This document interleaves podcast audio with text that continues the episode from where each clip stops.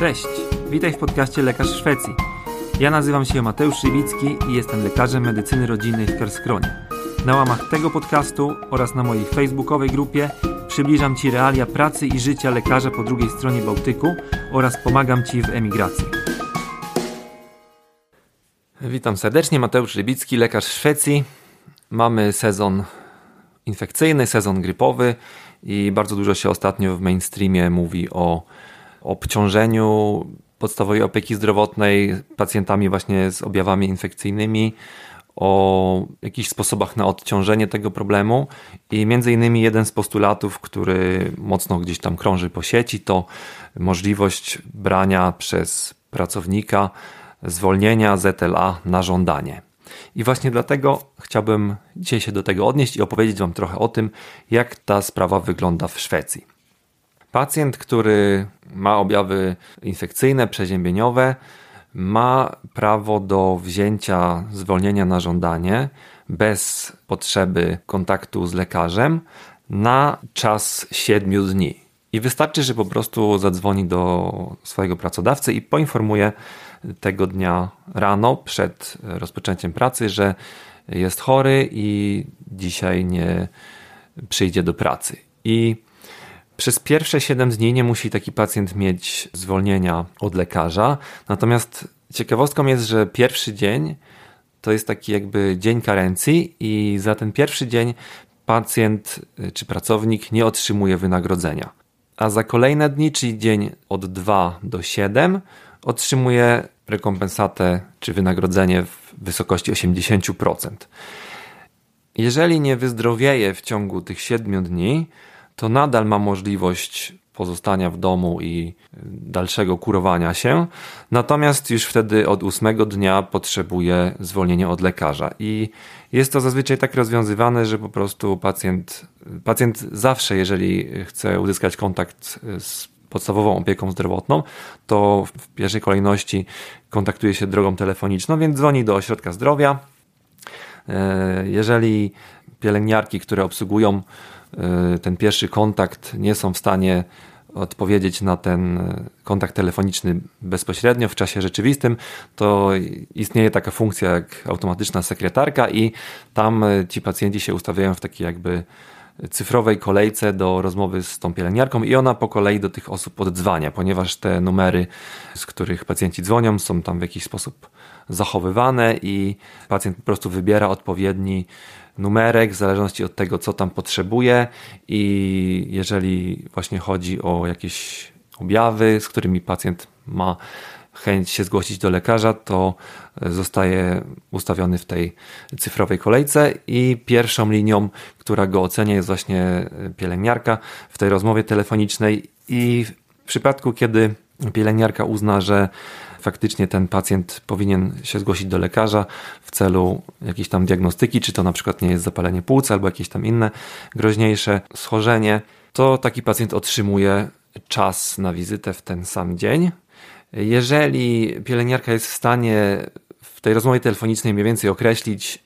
co to jest za problematyka, że to nie jest coś groźnego, to pacjent y, może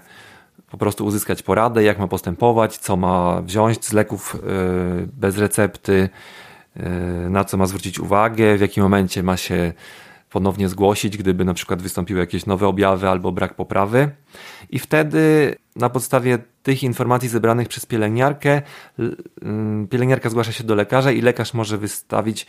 mm, zwolnienie na kolejne dni, czyli powiedzmy przedłużyć to zwolnienie. Natomiast oczywiście taka sytuacja nie może mieć miejsca w nieskończoność, ponieważ nawet jeżeli pacjent nie ma e, jakichś niepokojących objawów, no to w którymś momencie jednak chcemy zweryfikować to, jaki jest jego stan i powiedzmy, że czasami już po tym e, siódmym dniu pielęgniarka jednak sugeruje wizytę, albo po prostu pacjent sam chce spotkać lekarza, więc prosi o tą wizytę i ta wizyta jest umawiana. I wtedy, e, gdy pacjent przychodzi do lekarza, to w zależności od tego, co zdiagnozujemy, no to albo to zwolnienie jest znowu przedłużane, albo po prostu pacjent jest informowany, że może już wrócić do pracy, albo że powinien jeszcze powiedzmy zostać przez weekend w domu. w zależności od potrzeb. I teraz, jak to jest finansowane? Ten pierwszy dzień, w którym pacjent sam melduje się do swojego pracodawcy, że nie przyjdzie do pracy z powodu choroby, jest zawsze tym dniem karencji. Czyli za ten dzień pacjent nie otrzymuje żadnego wynagrodzenia, e, pracodawca nie płaci żadnej, żadnego wynagrodzenia swojemu pracownikowi. Od dnia e, drugiego i dalej ten, e, to wynagrodzenie chorobowe będzie wynosiło zawsze 80%. Z tym, że od dnia drugiego do dnia 14 pokrywa to wynagrodzenie pracodawca. Od dnia 15 i dalej jest to już tutejszy urząd Försäkringskassa, który jest odpowiednikiem naszego polskiego ZUS-u. I w związku z tym do 14 dnia, nawet jeżeli mm, lekarz y, wypisze zwolnienie pacjentowi,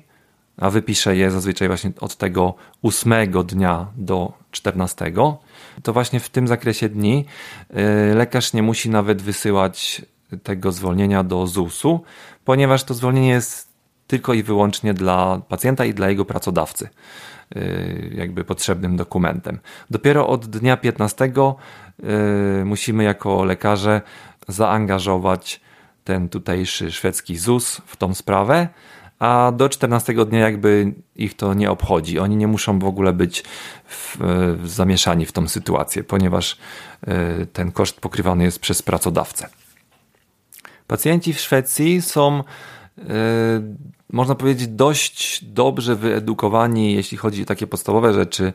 związane z przeziębieniami, infekcjami i zazwyczaj sami włączają już jakiś rodzaj leczenia, czy to lekami mm, przeciwgorączkowymi, czy przeciwbólowymi. Z reguły tutaj nie stosuje się żadnych albo prawie żadnych suplementów. Te, jakby ten sektor jest bardzo ograniczony tutaj w Szwecji. Pacjenci zdają sobie sprawę, że suplementy w zasadzie nie mają żadnego większego znaczenia i no, nie wyleczą ich, więc stosują te podstawowe leki, y, które są dostępne bez recepty, y, typu paracetamol, ibuprofen i ewentualnie jakieś tam takie podstawowe domowe kuracje na polepszenie swojego stanu. Więc wielokrotnie nie potrzebują w ogóle angażować y, ochrony zdrowia, lekarza, pielęgniarki w ten swój problem przeziębieniowy czy infekcyjny, ponieważ najczęściej w ciągu tych siedmiu dni, w których jeszcze nie potrzebują y, zwolnienia od lekarza, po prostu y, ich stan się poprawi i mogą normalnie wrócić do pracy. Takim źródłem, do którego pacjenci mogą zajrzeć, o które mogą się jakby oprzeć w, momencie, w którym złapią infekcję, jest strona internetowa 1177.se, która jest znana przez jakby wszystkich obywateli w Szwecji i każdy wie, że jeżeli yy, ma jakiś problem medyczny, to może w tej niejako medycznej szwedzkiej wyszukiwarce, zobaczyć sobie, jakie są podstawowe zalecenia postępowania w tym problemie. I z takimi najprostszymi rzeczami typu ból gardła, czy zapalenie zatok, e, zapalenie ucha, czy e, zapalenie oskrzeli, to po prostu ci pacjenci zazwyczaj wiedzą już jak postępować, bo przez jakieś tam wielokrotne wcześniejsze kontakty z ochroną zdrowia już się tego nauczyli, albo po prostu sobie to sprawdzą na tej stronie. Tutaj y, zachęcam też lekarzy, którzy się interesują y, w przyszłości y, przeniesieniem swojej kariery do Szwecji czy ogólnie do Skandynawii, którzy uczą się języka, że można właśnie skorzystać z tego źródła na tej stronie internetowej, ponieważ tamtejsze opisy chorób czy zalecenia są napisane takim dość prostym językiem, językiem, który jest przeznaczony właśnie dla pacjentów i można warto korzystać z tych tekstów, które właśnie są tam umieszczone, chociażby w procesie doskonalenia swoich umiejętności językowych i też nabywania, poszerzania słownictwa, które przyda się właśnie w kontakcie z pacjentami z tego typu schorzeniami, po to, żeby umieć też pacjentowi wytłumaczyć, na czym polega problem, po to, żeby móc y, w kompetentny sposób opowiedzieć o zaleceniach, opowiedzieć o tym, e, jak pacjenci mają się zachowywać i co robić w przypadku, kiedy objawy się pogorszą, albo e, jeżeli powstaną jakieś nowe objawy. Warto też opowiedzieć o tym, jak sytuacja jest rozwiązywana w przypadku infekcji dziecka i jak wtedy za, ma zachować się rodzic, który e, chce wziąć zwolnienie na opiekę nad tym dzieckiem. Wygląda to tak, że jeżeli dziecko e, jest w wieku poniżej 12 lat, to mm, przebiega to podobnie, ponieważ e, pracownik, rodzic, również kontaktuje się mm, do swojego pracodawcy i informuje o tym, że dziecko jest chore i że ten rodzic potrzebuje opiekować się tym dzieckiem i zostać w domu. I znowu do siódmego dnia taki rodzic nie potrzebuje żadnego zwolnienia, żeby móc taką opiekę nad y, chorym dzieckiem sprawować y, dzieckiem poniżej 12 roku życia, warto tutaj dodać, bo za chwilę będzie nieco to inaczej skonstruowane u starszych dzieci. Po ósmym dniu taki rodzic musi się zgłosić też do lekarza razem z dzieckiem, żeby ocenić ten stan dziecka i ocenić to, czy takie y, zwolnienie powinno być przedłużone, czy też nie. A w przypadku dzieci w wieku 12 do 16 lat takie zwolnienie jest potrzebne od pierwszego dnia. I istotne jest to, że w przypadku dzieci tutaj te świadczenie yy, dla pracownika wypłaca od pierwszego dnia e, tutejszy ZUS, czyli pracodawca nie ponosi kosztu tego e, problemu e, i tego zwolnienia, tylko jest to urząd, odpowiednik ZUS-u. Już niezależnie od tego, w jakim wieku jest dziecko. Warto też dodać, że jeśli chodzi właśnie o te zwolnienia z powodu potrzeby opieki nad dzieckiem chorym, to te zwolnienia mogą wypisywać też pielęgniarki, więc w praktyce my jako lekarze bardzo rzadko się w ogóle e, spotykamy z tym e, drukiem właśnie zwolnienia z powodu choroby dziecka. Załatwiają to pielęgniarki, no chyba, że to by zaczynało się jakoś przewlekać, no to wiadomo, że wtedy e, dziecko trafia do lekarza i jest oceniane i przy tej okazji czasami, jeżeli rodzic poprosi o przedłużenie takiego zwolnienia albo wskaże na mm, potrzebę e, właśnie wypisania tego druku, no to wtedy oczywiście też jesteśmy angażowani my, no bo akurat mm, to przy okazji jest robione. Natomiast większość, ogromną większość e, tych zwolnień właśnie wypisują pielęgniarki, bardzo często e, zaocznie, czyli właśnie przy okazji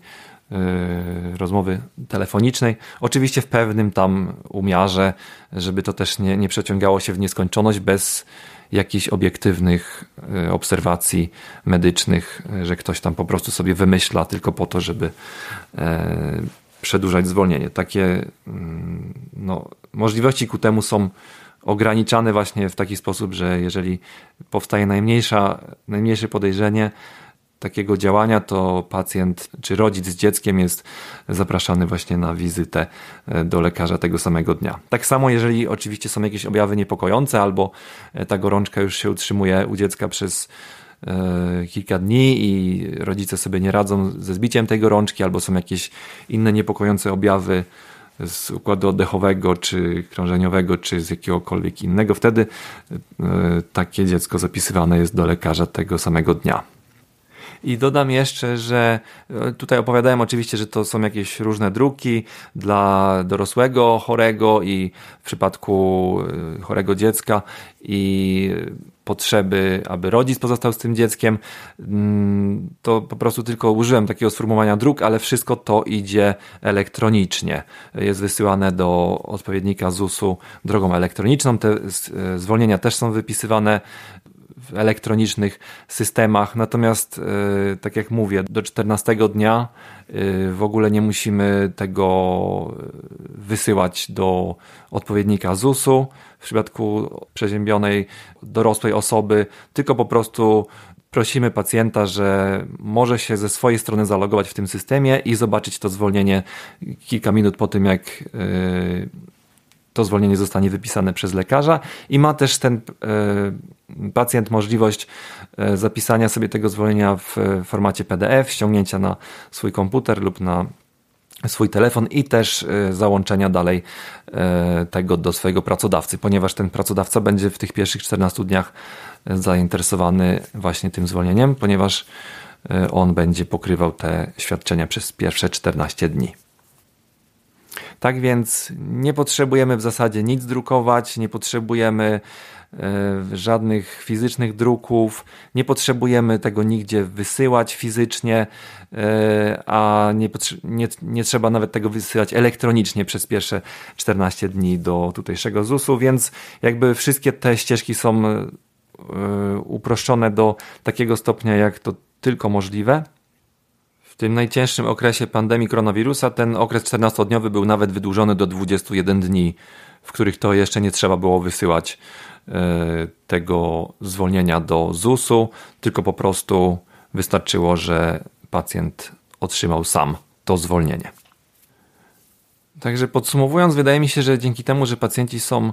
e, dość dobrze wyedukowani, jeśli chodzi o takie podstawowe problemy infekcyjne, to że ten system działa w sumie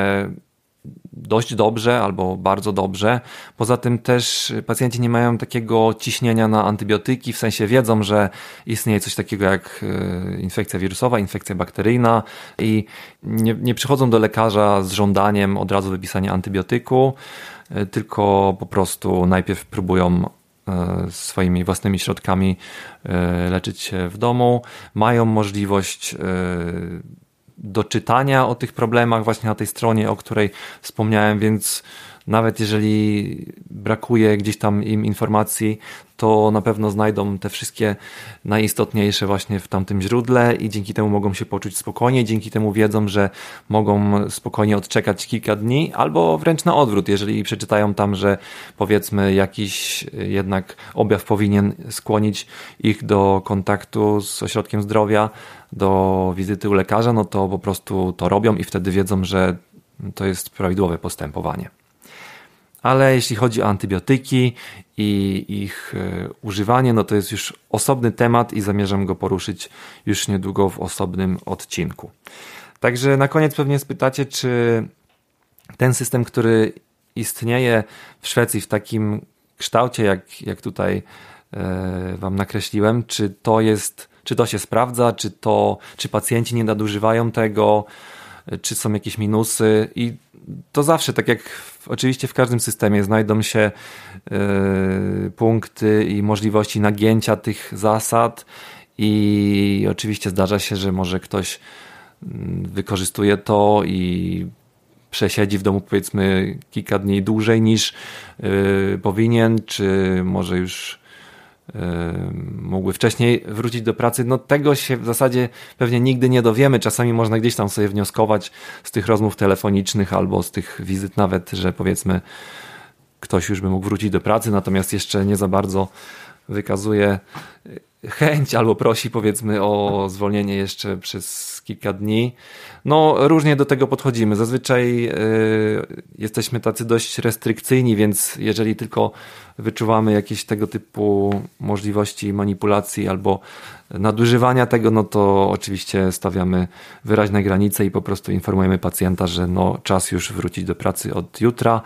y, albo czasami na odwrót, że ok, jeszcze proszę przeczekać dzień czy dwa, ponieważ na przykład gorączka się właśnie skończyła dosłownie poprzedniego dnia. No wszystko zależy oczywiście od sytuacji, ale wydaje mi się, że ten pomysł z pierwszym dniem kar takim karencji, czyli tego, że pracownik nie otrzymuje wynagrodzenia za pierwszy dzień zwolnienia, to jest taki jakby trochę czynnik demotywujący, żeby symulować i żeby zostawać w domu, gdy jesteśmy zdrowi, ponieważ po prostu stracimy ten dochód z tego dnia. Eee, no i kwestia tego, że to wynagrodzenie w kolejnych dniach, te świadczenie jest na poziomie 80%, no to też może troszeczkę demotywować, no bo jeżeli z każdym kolejnym dniem, który przesiadujemy w domu i spędzamy na zwolnieniu, no to ten nasz dochód jest y, no, niższy o te 20% mm, plus ten stracony dzień karencyjny w porównaniu do tego, do tego dochodu, który byśmy mieli, gdybyśmy normalnie